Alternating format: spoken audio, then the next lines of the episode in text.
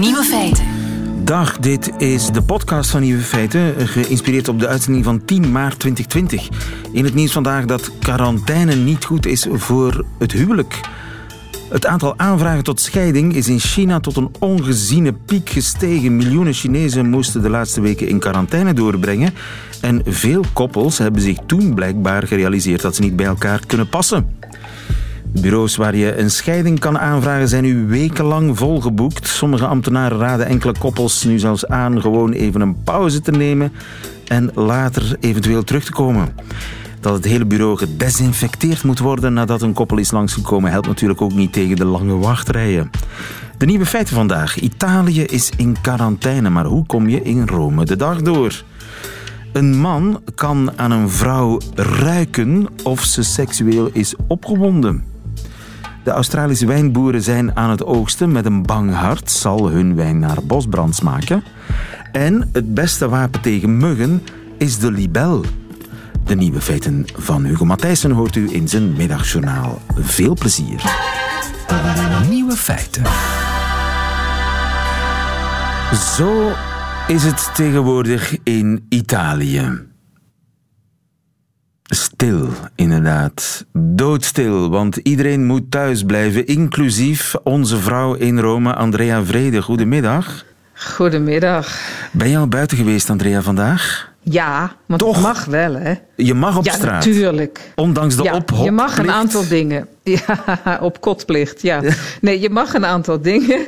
Je mag eh, naar de winkel om boodschappen te doen, één persoon per gezin. En als de winkel niet al te groot is, dan eh, is er een bord buiten. Dat is me vanochtend overkomen. Dan wacht je totdat de mensen in de winkel zijn, dat zijn er heel weinig, eh, dat er iemand klaar is, die gaat naar buiten en dan mag je die plaats innemen. Het gaat dus Ah, echt één voor één. Dus Grote winkels, supermarkten mogen meer mensen naar binnen. Maar toch ook met een quotum. Maar eh, ja. ja, met een quotum. Die één meter afstand, hè, dat is zo belangrijk. Die één meter afstand kunnen bewaren. Ook aan de kassa, dat je niet eh, in de, in de adem van eh, degene die achter je staat aan te schuiven zit. Ook dat. En de kassiers hebben allemaal mondkapjes en handschoenen. En bij een hele grote supermarkt waar ik eh eergisteren was, dus nog voordat heel Italië meedeed, maar toch, daar waren alle kassiers weg en moest je met, met zo'n eh, elektronische machine moest je betalen. Geen eh, mens durfde nog aan de kassa te zitten gisteravond. Nee, nee beleid van de, van, de, van de supermarkt, denk ik. Je mag dus nog wel degelijk dingen. Hè? Je mag gaan lopen in het park. Je mag in het openbaar zijn als er maar niet veel mensen zijn. De grote truc van dit hele beleid is dat je niet buiten je gemeente komt, tenzij heel erg nodig. En dat moet je aantonen. En dat je niet met een heleboel mensen bij elkaar bent. Daar gaat het om. Dus eigenlijk gewoon thuis blijven, maar een beetje af en toe eruit. Ja. Eh, mag jij Rome verlaten? Voor werk wel, ja. En ik ben journalist. Dus eh, eh, als ik een reportage ga maken buiten Rome, dat was ik wel van plan, dan moet ik een formulier invullen, laten zien aan de controlepost bij het station, want ik ga dan de trein nemen. En eh, als ik lieg, dan krijg ik, ja, zou ik gecontroleerd kunnen worden en een boete kunnen krijgen. Je hoort veel zou, hè. Ik bedoel, dat is natuurlijk heel moeilijk om dat allemaal te verwezenlijken. Maar eh, de controles zijn toch streng en eh, mensen ja, voelen dat wel, voelen wel dat ze eigenlijk niet moeten liegen. Hoewel er natuurlijke mensen zullen zijn die dat toch doen. Ja, zo in, in Italië is het nauwelijks denkbaar hè, dat mensen liegen, maar toch, je, je weet het nooit. Eh, nu, Nee. Rome is natuurlijk elke dag overspoeld met toeristen. Eh, er is lawaai, je hebt van die sirenes voortdurend. Het is een hele drukke, lawaaierige, eeuwenoude stad. Eh, hoe- is de sfeer nu bijvoorbeeld op, op Piazza Navona of aan, aan de Trevi-fonteinen? Hoe zit dat daar? Nou, het, het was al een tijdje aan de gang. Hè. Toeristen blijven gewoon massaal weg. En sinds eh, een paar dagen is ook alles dicht. Het Colosseum is dicht, de musea zijn dicht. Eh, bars en cafés mogen sinds vannacht na, eh, na zes uur niet meer open zijn. Ja, hoe is het? Leeg, raar, onwerkelijk. Een soort van halve filmset. Of zoals ik gisteren tegen iemand zei... het lijkt wel Ferragosto, midden augustus... als alle Italianen op vakantie zijn... maar dan zonder toeristen en met de auto's op straat. En het is ook niet heet. Dus het is gewoon raar. Het is echt raar. Alsof het oorlog is. Nou, wordt niet geschoten. Dat scheelt weer. Behalve bij de gevangenissen, waar ook allerlei opstanden zijn. Omdat de gevangenen dit allemaal ook verschrikkelijk vinden als ze dood zijn voor eh, besmetting. Ja. Ehm, ja, hoe, hoe, het, is, het is gewoon, ik kan alleen maar zeggen, het is totaal onwerkelijk en we moeten ermee leven tot 3 april. Dus het zal wel wennen worden, hoop Ja. ik. Maar dus ook alle bars en cafés zijn s'avonds dicht. Je kan nergens heen. Ja, dat klopt. Je moet gewoon thuis blijven. Bioscopen tv dicht. kijken, Alles dicht. bioscopen dicht, musea dicht, sportevenementen afgeblazen, Serie A, dus voetbal is stopgezet.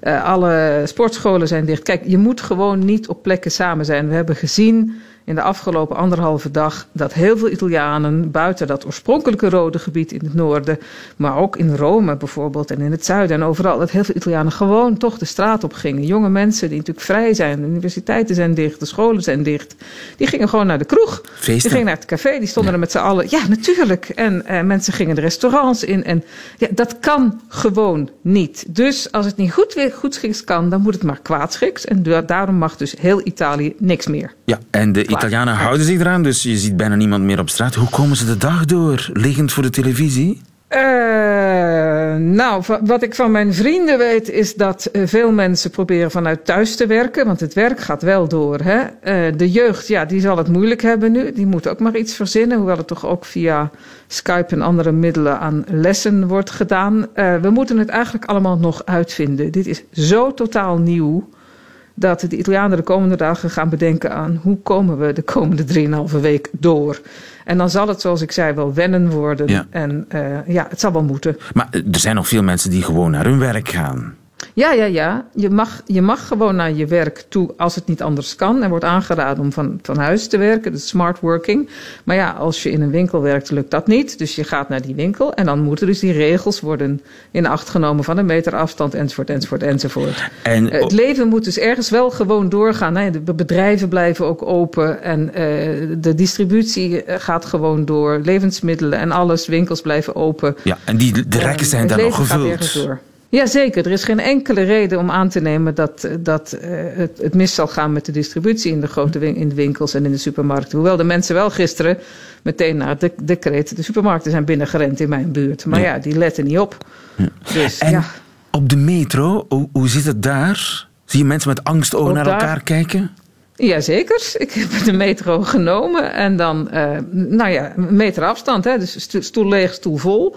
Of je gaat ergens staan, maar maak je niet bang. Er zijn maak je niet ongerust. Er zijn heel weinig mensen die reizen. Dus het is helemaal niet moeilijk om die afstand te bewaren. Alleen iedereen kijkt wat schichtig naar elkaar. Sommige mensen hebben mondkapjes, maar dat heeft, zoals we allemaal weten, geen zin. Tenzij je zelf ziek bent of eh, in de medische zorg werkt. Eh, ja, het is angst, toch wel. Angst. En eh, er zijn weinig mensen die de maatregelen niet accepteren. Die zeggen, well, het is veel te drastisch, het is te draconisch, het is overreageren. Waar zijn ze mee bezig? Nou ja, kijk, ze zijn er nog maar net. Het nieuwe decreet is er nog maar net voor heel Italië. Wat ik aan de mensen om mij heen merk, is dat ze het gevoel hebben dat als dit gebeurt, dan zal het toch echt nodig zijn. En je hoeft maar naar de curve te kijken van de besmettingen. Dat wordt ons steeds op alle nieuwsprogramma's en in de krant en overal wordt ons dat verteld. De besmettingen groeien zo snel dat als we niet iets enorms doen, zoals China heeft gedaan, een hele provincie, in dit geval een heel land dichtsmijten. Daar in China hebben ze 50 miljoen mensen hebben ze opgesloten, hier zijn het er 60 miljoen. Ehm, ja, dan, dan gaat het helemaal fout. Dan kunnen eigenlijk de IC-afdelingen van de ziekenhuizen het niet meer aan. En daar gaat het natuurlijk om. Eh, dus Italianen, ze zijn, ja, de mensen die ik heb gesproken zijn een beetje bang. Ze zijn een beetje teneergeslagen. Ze zijn ook berustend. En de meesten hebben zoiets van, nou ja, als het moet, dan moet het. Dan is het blijkbaar echt zo erg. Ja. Ik heb nog geen mensen gesproken die vonden dat dit overdreven was. Ja, maar het moet nog een dag of twintig duren.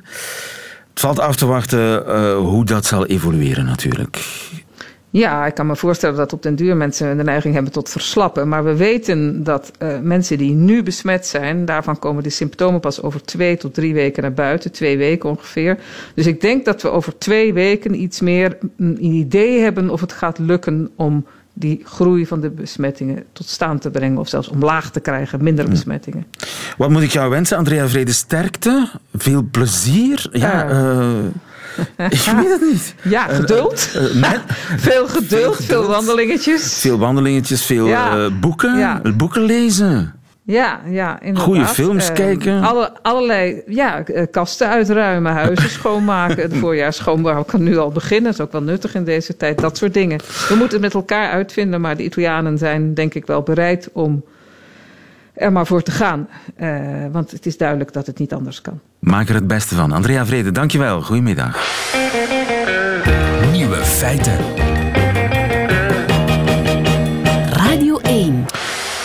Gaat de wijn uit Australië dit jaar smaken? Met een bang hartje zijn de boeren, de wijnboeren, op dit ogenblik aan het oogsten in Australië. Met een bang hart, want ja, heeft al die rook hun druiven aangetast? Simon Welkens, goedemiddag. Ja, goedemiddag. Je bent eh, Ja, wijnjournalist. Eh, 12 miljoen hectare bos is afgebrand in Australië. 12 miljoen hectare, dat is vier keer België. Zijn er eigenlijk ook veel wijngaarden in de as gelegd? Ja, eh, ik ken de precieze cijfers niet, maar alleszins zijn er inderdaad ook wijngaarden in de as gelegd. Maar het zijn vooral de wijngaarden die niet in de as gelegd zijn, die nu van belang zijn natuurlijk. Want zij zullen waarschijnlijk wel lijden onder die zoveel maanden rokerige toestand. Hè? Al die rook die overgekomen is en die zich verspreid heeft over die wijngaarden, zal zeker een invloed hebben op de druiven uiteraard. Want en de wijn die, die achteraf. rook, dringt die in de druif door? Ja, die rook zet zich op de schil van de druiven en ook via de bladeren gaat die rook zich in, de- ja, in de plant gaan nestelen. En dat kan je pas zien wanneer de wijn gemaakt is. Dat is het probleem een beetje. Men kan dat niet meteen ruiken en smaken of proeven, maar wel na het maken van de wijn. Want tijdens de fermentatie gebeurt daar van alles wat die eh, rokerige aroma wel bevestigt dan. Ah ja, dus je proeft het niet aan de druif zelf, maar tijdens het fermentatieproces, als de suikers worden omgezet in alcohol, dan kan er iets gebeuren met al die rook die zich eerst in de schil en elders aan de druif heeft vastgehangen. Inderdaad, dat klopt. Eh, het fermentatieproces is natuurlijk een eh, chemisch proces waar heel wat reacties doorgaan en vooral veel enzymen bij komen kijken. En dat veroorzaakt dan aroma's die ja, gelinkt zijn aan die rook die zich vastgezet heeft op de druiven en in de plant. Ja, maar een, een druif die wekenlang in de rook gezeten heeft, kun je daar nog wijn van maken? Ja, natuurlijk kan je daar nog wijn van maken. Eh, Ik ben absoluut zeker dat men daar wel een eh, mouw zal aanpassen. Want Australiërs zijn gekend voor hun eh, ja, toch wel eh, heel technische vooruitgang. Zij doen aan moderne enologie. Zij kennen wel het fenomeen, want ze hebben het vroeger ook al eens voor gehad. Blijkbaar zijn er in 2003 ook eh, heel wat eh, bosbranden geweest die een invloed gehad hebben op de wijnproductie. Ah ja, Dus en, dat, en je kunt dat, dat nog recht trekken. In de vinificatie zelf kun je dat nog recht trekken. Ja, er zijn al studies over gebeurd waarin gezegd wordt dat er een mogelijkheid is om dit eventueel wat recht te trekken. Met het toevoegen van enzymes bijvoorbeeld. Ah, ja. Maar daar gaat eh, waarschijnlijk de mensen die eh, nu echt met natuurwijn bezig zijn en biologische wijn niet graag horen natuurlijk. Ja, want als je dat dan niet doet, als het slecht afloopt, wat gebeurt er dan? Eh, Waar smaakt die wijn naar? Wel, die smaakt zo'n beetje naar eh, rokerige toestand. En je kan dat vergelijken met wat aardse toetsen, wat asachtige geuren en smaken, zoals je dat eh, terugvindt in bijvoorbeeld eh, bepaalde whiskies, maar dan wel zeer overdreven voor eh, sommigen. En ook wel ja, een bewust fenomeen. Daar is het bewust gekozen. Ja, ja, bij de whisky, maar je hebt ook wijnen bijvoorbeeld die geteeld worden op ja, lava in de buurt van oude vulkanen. Dat heeft ook soms een beetje een rokerige smaak. Dat kan iets positiefs zijn ook, toch? Chateau Fumé, als het ware. Ja, uiteraard kan dat positief zijn. En inderdaad, in Sicilië op de Etna-flanken bijvoorbeeld, is dat heel positief. En vulkanische bodemstructuren geven echt wel heel veel frisheid in de wijnen en elementen die we da- vandaag zoeken. Zoals eh, ja, mineralen en fraîcheur. Dat zijn elementen die vandaag wijnen opfrissen en veel eleganter maken. Uiteraard, maar het mag niet overdreven zijn natuurlijk. En het smokkige aspect van vulkanen is nog wel iets anders dan van rook. Van rook is het meer aards, terwijl bij vulkanische bodems heb je toch meer frisse toetsen. Ja, en dus- minder dat rokerige. Dat rokerige is meestal, het is meestal Chateau Asbak en niet Chateau. Ja. Ja. Voilà, dat is het. Ja. Zo Dus- kan je het noemen. Vooral neem ik aan dan de kleinere wijnboeren die niet beschikken over de know-how of, of de chemische spitstechnologie om alsnog dat rokerige eruit te krijgen, die zijn de klos, neem ik aan. Hè?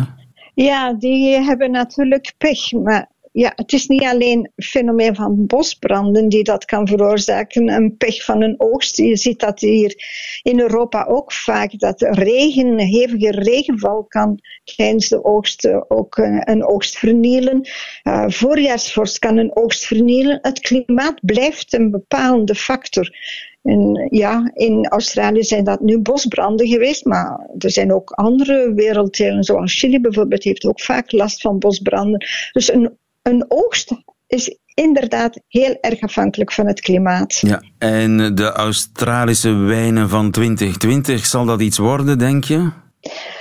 Ja, zeker. Ik denk dat we daar niet uh, paniekerig mogen over doen en dat we dan zeker nog wel wijnen gaan uh, hebben die echt wel mooi gemaakt zijn en geen probleem hebben met dat smoky karakter. Ik maak me daar niet veel zorgen over. Uh, er is voldoende wijn in de wereld en ook uit Australië komt er nog altijd voldoende wijn, want zij produceren toch wel heel wat. Ik heb gemerkt dat zij in 19 bijvoorbeeld 1,77 biljoen liters hebben geproduceerd. Dus als daar nu een beetje minder van is, denk ik dat dat geen kwaad kan. Ze zullen dat overleven. En wij ook. Dankjewel, Simon Welkens. Ja, Goedemiddag. Dag.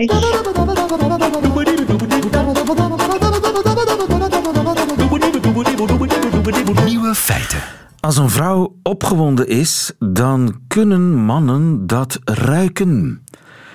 Nasal attraction, jazeker. En dat moet blijken uit nieuw wetenschappelijk onderzoek. Erik Jansen, goedemiddag. Goedemiddag. U bent seksuoloog aan de Universiteit van Leuven. Collega's van u in uh, Kent, aan de Universiteit van Kent, hebben studentes op een home trainer gezet. Wat was daarvan de bedoeling? Nou, dat was om ervoor te zorgen dat de verschillende condities die ze wilden vergelijken, dat, dat, dat iedereen daarbij, zullen we maar zeggen, een beetje opgewonden was, al was het niet seksueel opgewonden. Ja, dus uh, en, de bedoeling ja. van die home trainer uh, was om die dames in het zweet te laten, zich te laten werken. En vervolgens ja. kregen zij erotische films te zien. Een erotische cultfilm uit 2005. Om precies te zijn, Nine ja. Songs. Ja. Uh, ze zagen ook Channing Tatum, die, uh, of Tatum zoals sommige mensen zeggen. Wat, wat zeg je eigenlijk, Channing Tatum? Tatum. T Tatum, Channing Tatum kregen zij te zien, die een strip act, uh, die een strip act ja. doet. Zij kregen ook expliciete naaktfoto's te zien. En een paar dagen later moesten dezelfde dames zich weer in het zweet werken op de home trainer, maar kregen zij vervolgens een documentaire te zien over bruggen bouwen. Een film over breien en foto's van tropische vogels. En telkens werden zweetstaaltjes genomen. Zo ging het ongeveer, hè? Ja, dat klopt, uh, dat klopt redelijk. Er waren eigenlijk drie verschillende studies die ze deden, met allerlei varianten hierop. Maar het belangrijkste was inderdaad dat ze zweet verzamelden bij die vrouwen van onder de oksel. En vervolgens moesten de mannen ruiken aan die zweetstaaltjes en zeggen of ze het hot or not vonden, lekker of niet. Precies, of ze het opwindend vonden, of ze er zelf ook opgewonden van uh, zich uh, door opgewonden gingen voelen. En um, ja, ze vonden daar dus inderdaad wel evidentie voor. Mannen vonden het inderdaad lekkerder. Lekkerder. Als vrouwen naar uh, erotische films hadden zitten kijken. Dan vonden ze het zweet aantrekkelijker en ook sexier, zullen we maar zeggen, ja. En in een van die studies rapporteerden ze zelf ook meer seksuele opvinding. Ja, ja. Dus vrouwen, ja. moet ik dan daaruit besluiten, zenden geursignalen uit? Ja, nou, er is natuurlijk een hoop onderzoek uh, over de rol van geur. Hè. We gebruiken onze zintuigen, on, al onze zintuigen, om de wereld te verkennen en te navigeren. En natuurlijk, geur speelt daar ook een rol bij. En als het om ja, lichaamsgeuren bevatten heel, heel wat informatie. En dat, dat weten seksuologen ook klinisch gezien. Want het komt soms wel voor dat uh, een koppel echt problemen heeft, omdat een van de twee zegt van ja, hij ruikt gewoon niet goed. En, uh, en dat is natuurlijk heel erg moeilijk om te veranderen. Maar er is heel veel onderzoek over uh, wat ze dan ook chemosignalen noemen, inclusief pheromonen en zo. En ja, de vraag of wat er nou allemaal precies gecommuniceerd kan worden via geuren, is uh, nog niet helemaal goed beantwoord. En uh, natuurlijk zijn mensen ook nieuwsgierig naar seksualiteit en hoeverre dat ook een rol kan spelen en uh, opgepikt kan worden, zullen we maar zeggen. Ja, ja. Maar ook andere emoties kunnen geroken worden. Angst, verdriet, daar is ook onderzoek naar gedaan. Ja, precies. En ja, sommige van, sommige van die studies zijn nog wel wat ik wil niet zeggen controversieel. Ik wil ook niet zeggen dat er uh, zeg maar een luchtje aan zit haha. Maar um, uh, er begint wel meer en meer evidentie voor uh, dat soort effecten gevonden te worden, inderdaad. Ja. Maar hoe dat precies werkt en welke moleculen dan precies wordt aangemaakt, dat is nog allemaal heel duister. Nu, in dit geval werden vrouwen en mannen, vrouwen moesten in het zweet werken, mannen moesten eraan ruiken. Zijn de mannen ook van dat soort olfactorische signalen uit? Er zijn inderdaad ook studies aan, gedaan uh, andersom, waarbij vrouwen het zweet van mannen uh, voorgelegd kregen, zullen we maar zeggen. En um, daar zijn inderdaad ook effecten gevonden, maar dat hangt soms dan weer af van de hormoon, uh, van de cyclus, de uh, menstruatiecyclus. En ook, ja, ik denk uh, wat met deze studies, wat deze studies betreft, één ding wat het toch wel ingewikkeld maakt, denk ik, en waarom je waarom ik niet helemaal zeker weet of je kunt zeggen dat het per se seksuele opwinding is wat werd gecommuniceerd. Want er kunnen ook andere dingen doorgegeven worden, zoals verschillende emotionele toestanden. En we weten uit ons eh, eigen onderzoek over seksuele opwinding dat uh, mannen en vrouwen vaak heel wat verschillende reacties kunnen hebben op uh, seksuele ja. films. Het, het zou ook gewoon kunnen zijn dat ze zich prettig voelden. Het had, ook, het had net zo goed een, een documentaire over leuke katjes kunnen zijn. Of spelende kindertjes. Of uh, uh, ja, Nicole en Hugo die zingen. Of Gaston en Leo. Of, of een leuke stand-up comedian. Dat had dat ook gekund. goede voorbeelden. Hele goede voorbeelden. Misschien is dat uh, materiaal ja. voor een vervolgonderzoek daarin kent. Maar dat Absoluut. er, dat er iets aan is aan nasal attraction dat moet wel. Dat kan bijna niet anders. Maar hoe het precies werkt inderdaad en, en wat we allemaal precies kunnen op, oppikken van elkaar, detecteren, dat is natuurlijk niet zo helemaal duidelijk. En dit is ook allemaal gedaan in het laboratorium, waar iedereen helemaal schoon, gewassen, ja, ja, uh, geen de ideale wereld, zeg maar. Ja. ja. Oké, okay, dankjewel Erik Jansen. We kijken er naar uit naar dat vervolgonderzoek. Goedemiddag. Goedemiddag. Feiten. Radio 1. Je ziet ze vooral in de zomer wel uh, over het wateroppervlak scheren op het zoete platteland. Waterjuffers, het zijn niet alleen prachtige beesten, maar voortaan buig ik diep in respect, want ik weet, heb gelezen, dat zo'n waterjuffer op één zomer tot wel 700.000 muggen opeet. Ik zou daar bijna applaus voor durven vragen. Geert de Krijf, goedemiddag. Ja, goedemiddag. U bent van uh, het Instituut Natuur en Bosonderzoek, het INBO. En erevoorzitter ja. van de Libellenvereniging Vlaanderen. Ik wist niet eens dat die bestond. Ja. ja de Libellenvereniging die is eertijds opgericht als een Belgische groep in het jaar 82. En sedert 2007 zijn we als een afzonderlijke Vlaamse vereniging een afzonderlijke Waalse Gefederaliseerd als het ware. De Vlaamse ja, libellen hebben een vereniging en zij eren en de libellen verdedigen de belangen van de libellen en dat blijkt uh, meer dan terecht, want uit nieuw onderzoek in Finland blijkt dat waterjuffers tot 700.000 muggen kunnen oppeuzelen op één zomer. Lijkt mij heel veel. Dat is, libellen neemt wel heel veel op, maar de studie gaat ervan uit dat de populatie, niet één individu, eet er 700.000 op. En daar op basis van de feestjes, de uitwerpselen van die libellen, eh, die verzameld werden, heeft men gewoon gekeken van wat zit daarin.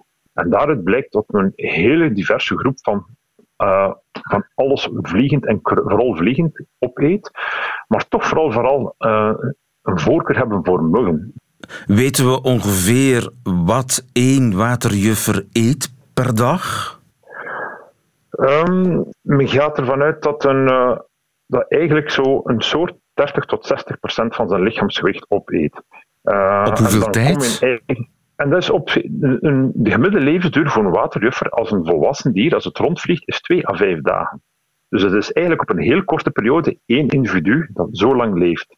Dus een, een, een, een individu leeft vijf dagen en op die tijd eet zo'n individu ongeveer 60% van zijn lichaamsgewicht? Ja, 30 tot 60 procent. En zo'n juffertje die weegt, om een idee te geven, de, wijfjes zijn iets zwaarder als mannetjes, maar gemiddeld tussen de 0,03 0,04 gram. Ze zijn vederlicht. Dus al, en als je dat zou omrekenen, als ik uh, twee derde van mijn lichaamsgewicht zou eten op vijf dagen, laten we zeggen dat ik 80 kilo weeg, dan uh, zou ik per dag ongeveer 10 kilo moeten opeten.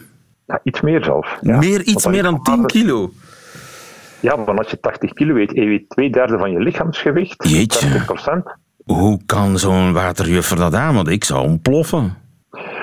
Die hebben een goed verteringssysteem en heel veel van het voedsel wordt eigenlijk gebruikt. Een volwassen stadium van een libel is daar eigenlijk voor de voortplanting. Dus bij de wijfjes betekent dat de eitjes die moeten rijpen, die paren met mannetjes en eitjes afleggen. En dus natuurlijk, eiproductie vergt heel veel energie. Tegelijkertijd vliegen juffertjes uh, rond, want ze willen paren, geschikte plak, uh, locaties zoeken om de eitjes af te leggen in het water. Dan hebben ze ook de vliegspieren, die enorm veel is een begrijpen, beschouwd als die vliegspier aan de kant van het borststuk. Dat is een heel krachtige motor. Die moet echt gevoed worden met heel veel voedsel. Uh, met, en dus inderdaad hebben ze veel, uh, veel eten nodig, veel ja. nodig. Dus als je ergens in een gebied het aantal muggen wil reduceren, introduceer dan zoveel mogelijk libellen. Dat zou ik nu niet doen. Ik zou ze niet introduceren. Ik zou ervoor zorgen dat je, je libellen zijn hele goede vliegers. Die kunnen heel, een, leg een plas aan een tuinvijver aan, creëert een nieuwe waterpartij in de zomer. En je zal merken, vaak binnen de eerste uren, de dag erop, heeft een libel jouw nieuw gegraven plas gevonden en vliegt hij daarboven. Je hoeft er nauwelijks iets voor te doen. Ja, je krijgt er gratis bij. Je krijgt er gratis. En water... hoe gaat het met de water... Ik, ik, gebruik de twee termen waterjuffers, libellen door elkaar. Mag dat? Is er een verschil tussen de eh, twee? Er is een klein verschil. De, de waterjuffers zijn de kleinere. Dat zijn dus een andere suborde binnen de, de groep van libellen.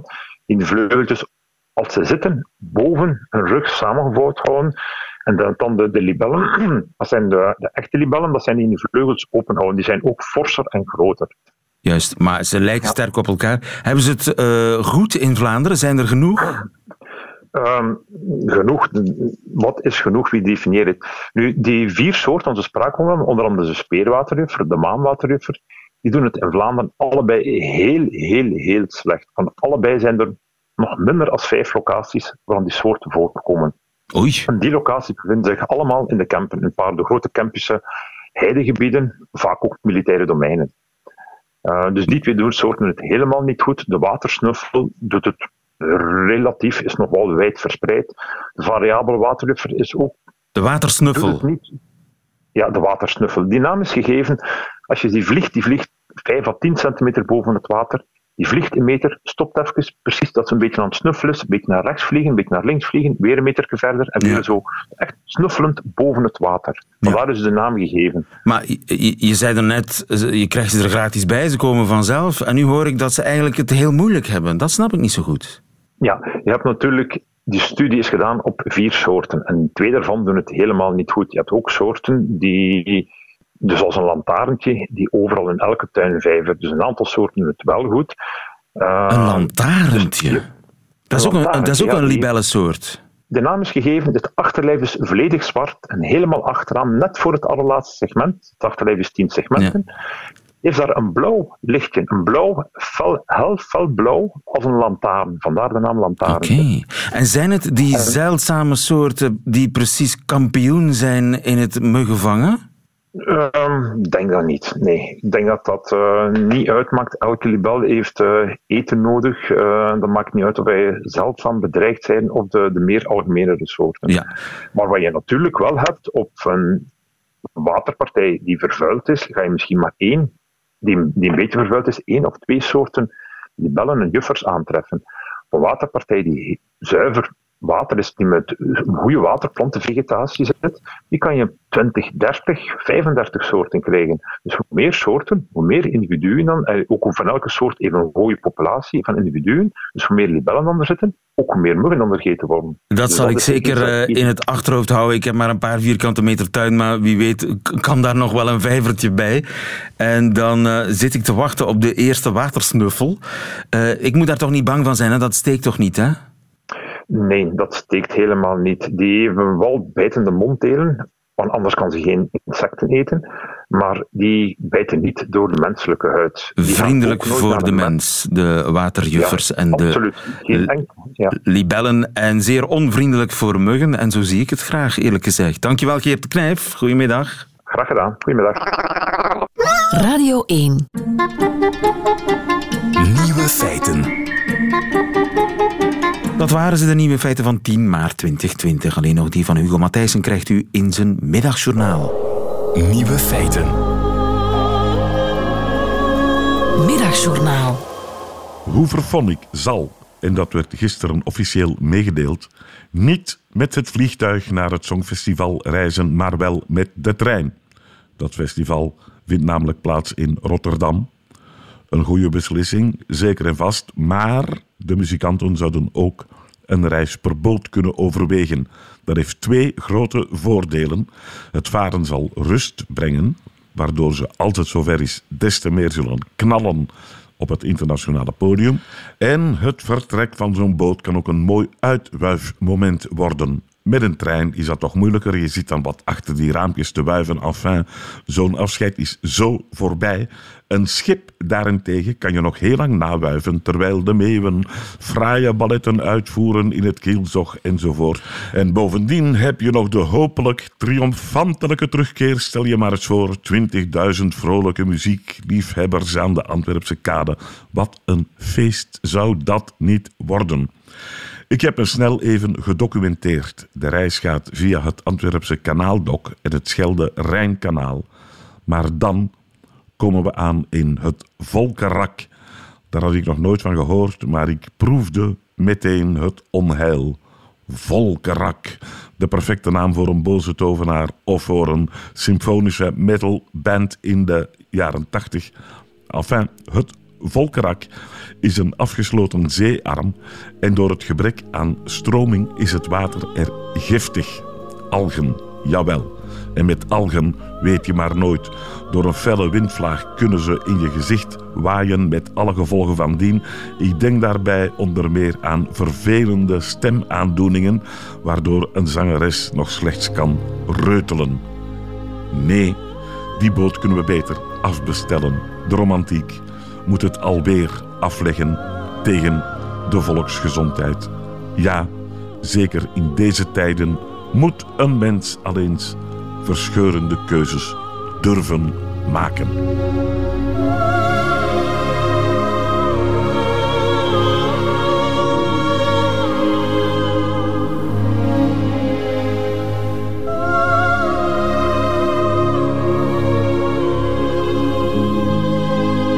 Middagjournaal met Hugo Matthijssen. Einde van deze podcast. Hoort u liever de volledige uitzending met muziek erbij? Dan kan dat natuurlijk via onze app.